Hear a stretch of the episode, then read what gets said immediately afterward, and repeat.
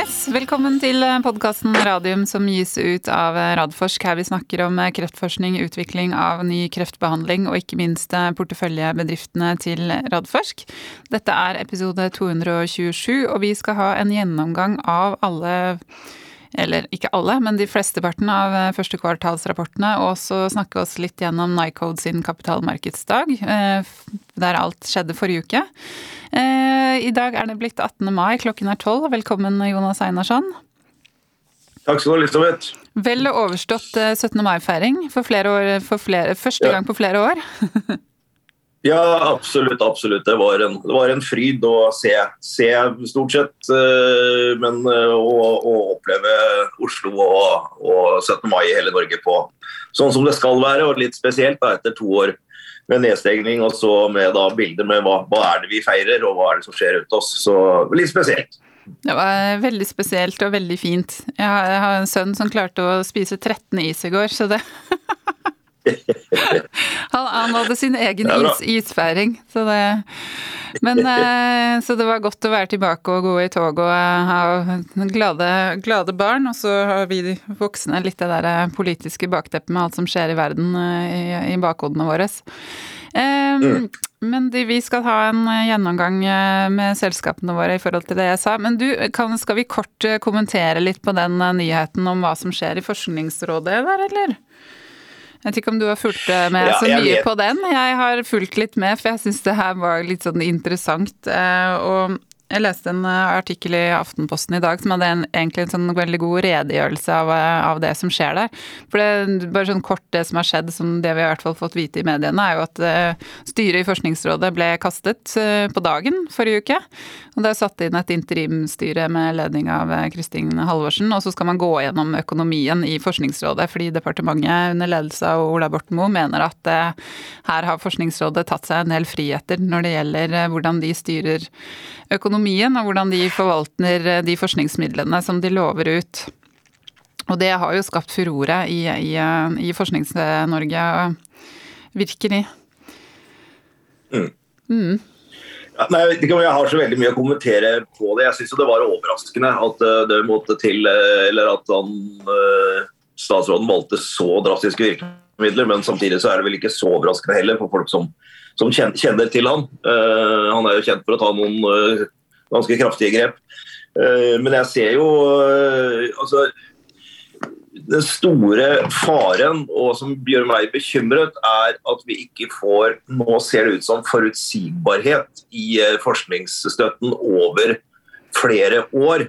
Og det ser vi jo at de, disse forskerne de lever jo på forskningsmidler sånn fra år til år, men i hvert fall også får prosjekter som kanskje går i flere år.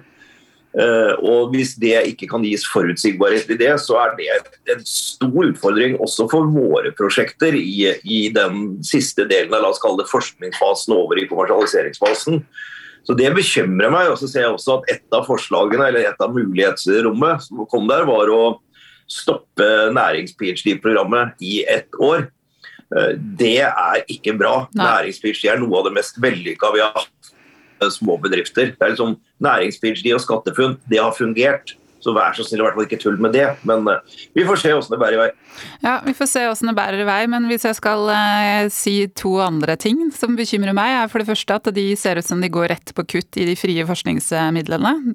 Som er veldig viktig for, for grunnforskningen og litt sånn uavhengig av, av tematikk. Uh, og så ser jeg i tillegg at nettopp den vellykka EU-strategien i forhold til å hente hjem midler fra EU sine ulike forskningsprogram, som har vært en politisk altså villet politikk, at man skal være med og, og samarbeide internasjonalt på store forskningsprogrammer, at det var en av de tingene som de syntes de hadde brukt, altså, brukt for mye penger på.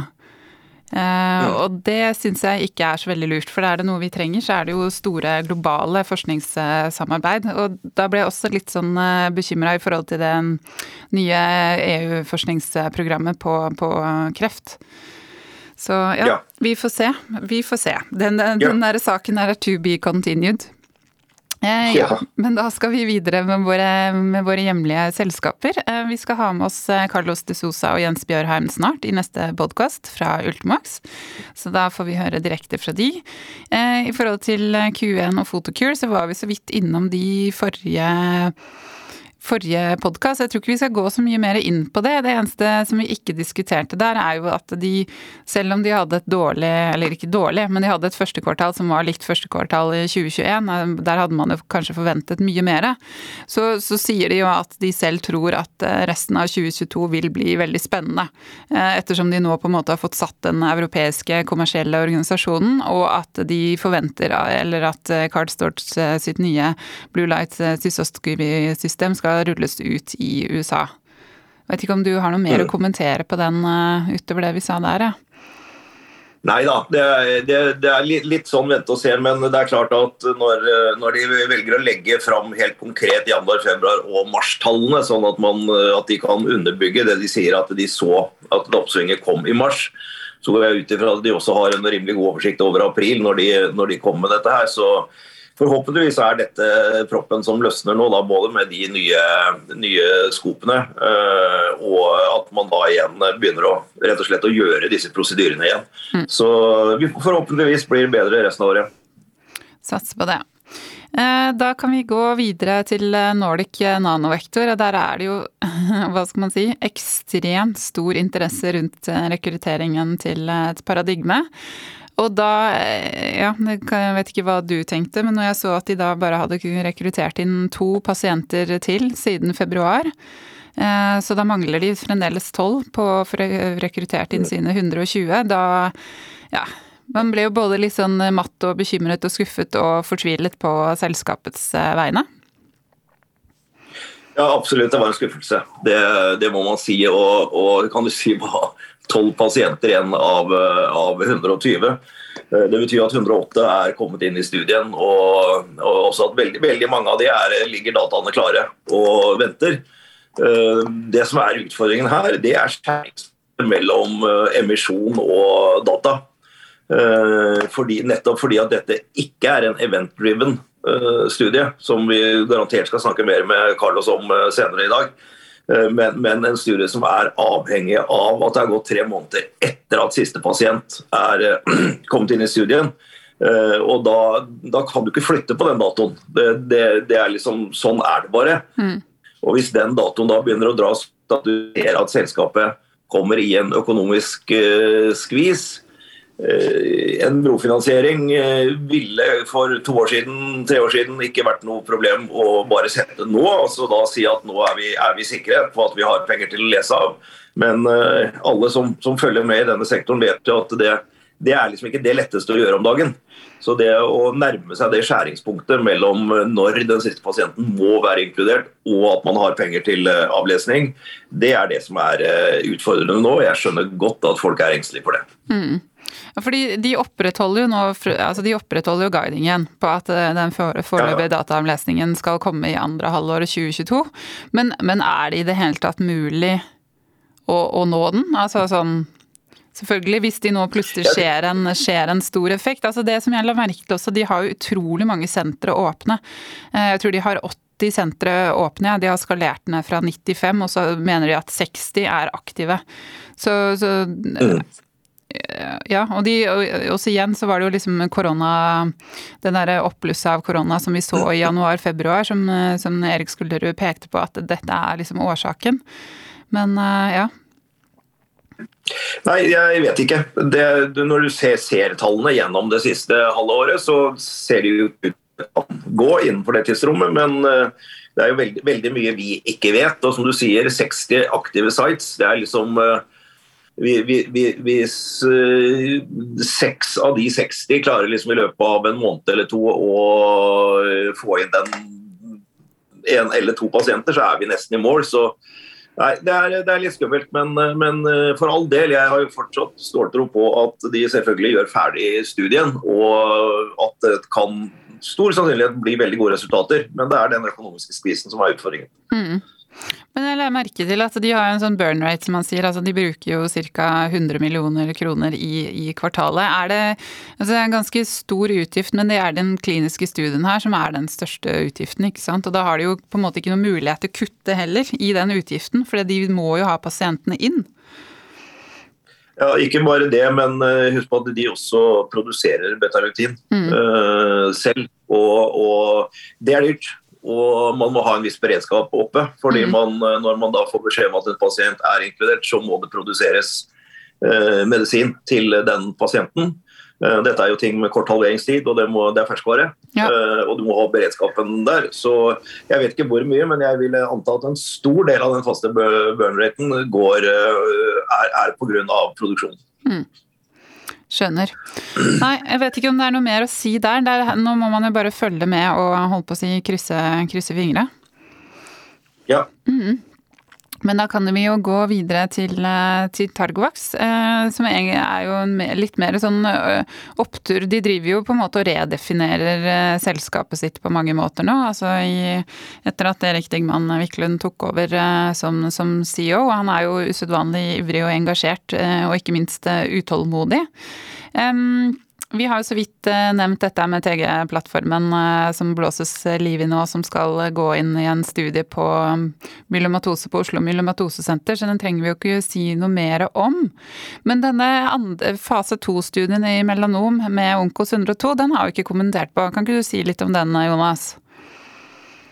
Nei, altså Jeg har liksom lurt på hvordan de skulle, skulle få til det der. Men og, og, hvis jeg har skjønt det riktig, så går det igjen for denne, denne veldig tungt behandlede pasientgruppen, som gjør at hvis du får noen, noen resultater og gode effekter, eller får effektdata, så er alle, alle effektdata veldig viktige. Fordi man ikke forventer at de skal uh, få noe særlig effekt i det hele tatt. Uh, og så liker jeg de uh, med å få en sjekkpunkthemmer som er under klinisk utvikling, og dermed kunne inngå en avtale rundt det. Uh, og også med adjuvansen, sånn at uh, dette gjøres i hvert fall på den desidert rimeligste måten en sånn studie kan uh, gjøres på. og da også med myelomatose studien, som jo i, i tillegg er sponset uh, av sykehuset. Mm. Uh, og så kan du si at det at du har, du har investigated driven studier altså som sponses av akademiske grupper eller sykehus, det har sine fordeler og ulemper. fordelen er helt klart det økonomiske og kostnadsmessige. ulempene kan være tilgangen til data og hvordan man kan bruke dataene i, ved en senere anledning. Men der har i hvert fall jeg god erfaring med å skrive den type avtaler med sykehusene som sikrer at selskapet kan bruke disse dataene både i eventuelle forhandlinger med andre bygg farmaselskaper eller i forhold til de regulatoriske myndighetene. Uh, og så er det En annen stor fordel som man ikke må glemme, er at her er det altså en drivkraft bak studien, som i dette tilfellet er, er Fredrik, mm. uh, som gjør at han, han føler seg både moralsk og på annen måte forplikta til virkelig å legge ordentlig breisida til for å få inkludert pasienter. Så nei, jeg, ja, det var et stort steg tilbake sånn sett i mine øyne på Targovax, som måtte om, på en måte om, omgruppere seg. Men eh, jeg syns så langt at det, det ser lovende ut. Jeg syns det. Mm. Det er jo klart, det tar, vil jo ta enda lang tid før de, før de, på en måte er på markedet med noe. De har mye å gjøre. Og så noe som vi ikke har vært innom, som jeg vet at eh, Erik er veldig engasjert i, det er jo det med den neste generasjons sirkulære RNA-onkos 102-viruset, hvor de da også har gjort en avtale med, med Karolinska instituttet på forskning. Så ja. det, det, blir noen, det blir jo mye lengre løp her enn det man har sett for seg, men eh, ja. Så tidlig så er det et potensial for en tidlig eh, avtale. Hvis sirkulært RNA virkelig blir så brennhett som de tror, så, så, har vi jo sett tidligere at man har gjort eh, gode og svære avtaler på selv prekliniske resultater. Så det, den muligheten er der. Mm. Så bra. Men da må vi eh, snakke litt om eh, Nycode og kapitalmarkedsdagen som de hadde forrige uke. Eh, der var det jo veldig gøy å se at det var mange flere fra selskapet som presenterte, og ikke bare Agnete og, og Mikael. Og så var det veldig spennende å få den direkte presentasjonen fra Kristina Lindemann, som har vært nasjonal utprøver på livmorhalskreftstudien her i Norge. Og så tror jeg Siri Thorhaug Chief Medical Officer, medisinske direktør, sa at hun har vel vært også den mest rekrutterende utprøveren i den, i den studien på, på livmorhalskreft. Mm. Um, skal vi begynne med det hun presenterte fra den studien? Det var vel da, hvis jeg skjønte det riktig, eh, preliminære resultater på 39 pasienter. Mm. Mm. Så ganske liten pasientgruppe, men hun var jo veldig klar på at eh, på en måte alt som kan hjelpe på denne gruppen her, er viktig. Eh, absolutt. Eh, vi har fått tid til å se litt, litt nærmere på disse dataene. Jeg tror jeg har mine ord i behold fra forrige podkast hvor jeg sa at det, dette er Nå kjører ikke de direkte historiske sammenligninger så langt jeg kan se, og det tror jeg også er fornuftig, fordi det er en liten gruppe. og en gruppe gruppe som har hatt veldig mye forskjellige typer behandlinger tidligere. så det å finne, De nevner én keynote der da, som uh, med, i, gir noen resultater å sammenligne med. Men jeg tror mine ord i behold at uh, jeg syns dette er ganske imponerende data når man ser på pasientgruppen uh, som, som, blir behandlet. Så, så jeg syns dette ser veldig lovende ut. Mm. Og så kom det jo da en uh, nyhet at de basert på de, uh, de, dataene skal starte en studie da også i hode-nakkekreft, som da også skyldes uh, eh, HPV-infeksjon. og der skal de kombinere da den samme vaksinen, altså VB1016, med sjekkpunkthemmere. og oppstart på studien er andre halvdel i år. Og der har, har, i hvert fall ikke jeg sett noen ting om at de har sagt noe om hvilke sjekkpunkthemmere de skal kombinere med. Nei, det er litt igjen eh, Nå er ikke jeg så godt inn i det om det er noen checkpoint som er blitt standard of care uh, i, uh, i, denne indikasjonen. Hvis det er det, så er det naturlig at man kanskje, kanskje velger de. Eller at man inngår en form for en avtale, eller at man Alternativ som Targovax kjører en som er under klinisk utvikling, eller at man kjøper det selv. Så der er, der er det mange muligheter til å sy det sammen. Mm. Eller eventuelt at de fortsetter med den de kombinerer med i livmorhals... Ja. ja.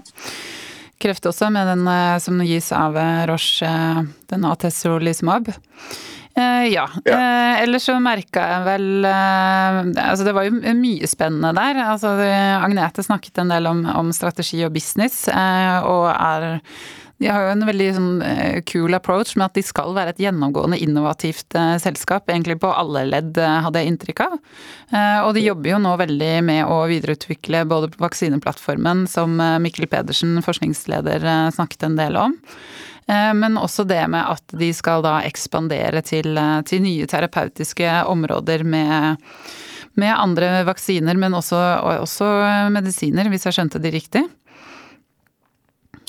Ja, altså, jeg må jo si at uh, Til de som uh, hører på dette og er interessert i denne sektoren, og ikke minst interessert i uh, immunterapi og fremtiden for den i kreftbehandling og annen type behandling, bør ta seg tid til å sette ned og høre, lytte, se og grave litt i det. For jeg må innrømme at jeg syns dette var utrolig morsomt og spennende.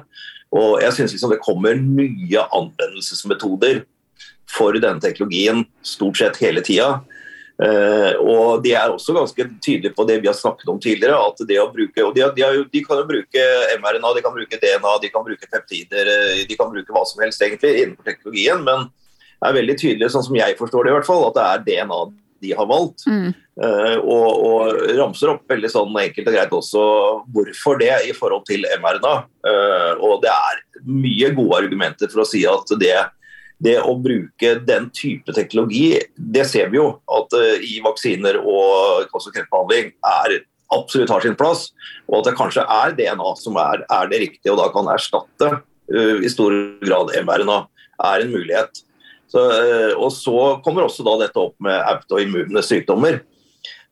og Det syns jeg ser utrolig spennende ut. Må huske på at innen autoimmune sykdommer så har vi aldri kunnet behandle annet enn symptomer. Det mm. er, det er, kun symptomer, og det er som regel med prednison og annen immunregulerende for å på en måte dempe virkningene av, av, sykdommen. Uh, mens her snakker vi om at de kanskje kan klare å få tilbake balansen i immunsystemet. For det er jo det som skjer i autoimmune sykdommer, det er jo at balansen forrykkes. sånn at det det, det, det, som skal sørge for altså, Immunsystemet er så kraftig at hvis det kommer ut av balanse og overtar litt på egen hånd, så får vi de autoimmune sykdommene som er veldig ille. Og klarer, Hadde man klart å få tilbake den balansen, så ville det vært et gjennombrudd i medisinsk forskning som er like stort som det å oppfinne eller finne ut om sjekkpunkthemmere. Så mm. det er preklinisk, men det er veldig spennende. Ja, og så er det uansett veldig spennende at de begir seg inn eh, på den, eh, på den veien. Og også, jeg må bare ha med en ting til også som, eh, som, Mikkel Pedersen presenterte. Det er jo nettopp det at de har jobbet med å på en måte videreforedle det Vaxibody-konstruktet sitt som ligger til grunn for, for disse ulike vaksinene. Og så har de nå i tillegg begynt å jobbe med å legge på en fjerde egenskap som de da på en måte kan velge litt selv. Det også er jo, åpner jo vanvittig med, med muligheter videre. Eh, og så la jeg også merke til at eh, de var veldig klar på at forretningsstrategien videre nå er å søke samarbeid og, og partnerskap. Så her, jeg tenker jo de åpner opp et rom her og viser fram hva de kan eh, bringe til torgs. Det skulle ikke overraske meg om det kom noen flere nyheter om noe samarbeid eller lik de de har med Regeneron Genentech i løpet av, løpet av en tid. Um, I tillegg så presenterte de jo også litt uh, kort kanskje om koronavaksinene der de har en pågående studie i Norge på friske frivillige. Og da kan jeg si at 20. mai da er det International World Clinical Trials Day, så da har jeg faktisk skrevet en artikkel om, eh, om den eh, studien. Så den blir publisert på invento.no, så kan gå inn og, og lese den der. Eh, ja. Ja, det er en veldig spennende, spennende studie. Den har søren meg ikke vært lett å, å, få kjørt sånn som man ville gjøre, gjøre det midt oppi en pandemi når du skulle rekruttere inn friske frivillige som ikke var smitta. Så det, det, har, det, har, vært krevende, men det har de klart. Um, er det noe mer egentlig å si da, Einarsson? Det var Nei, til, til oss å være veldig kort og konsis eh, gjennomgang.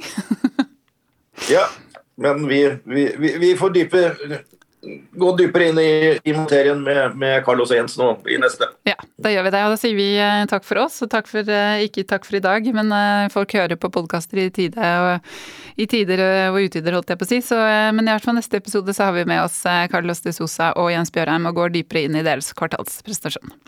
Takk.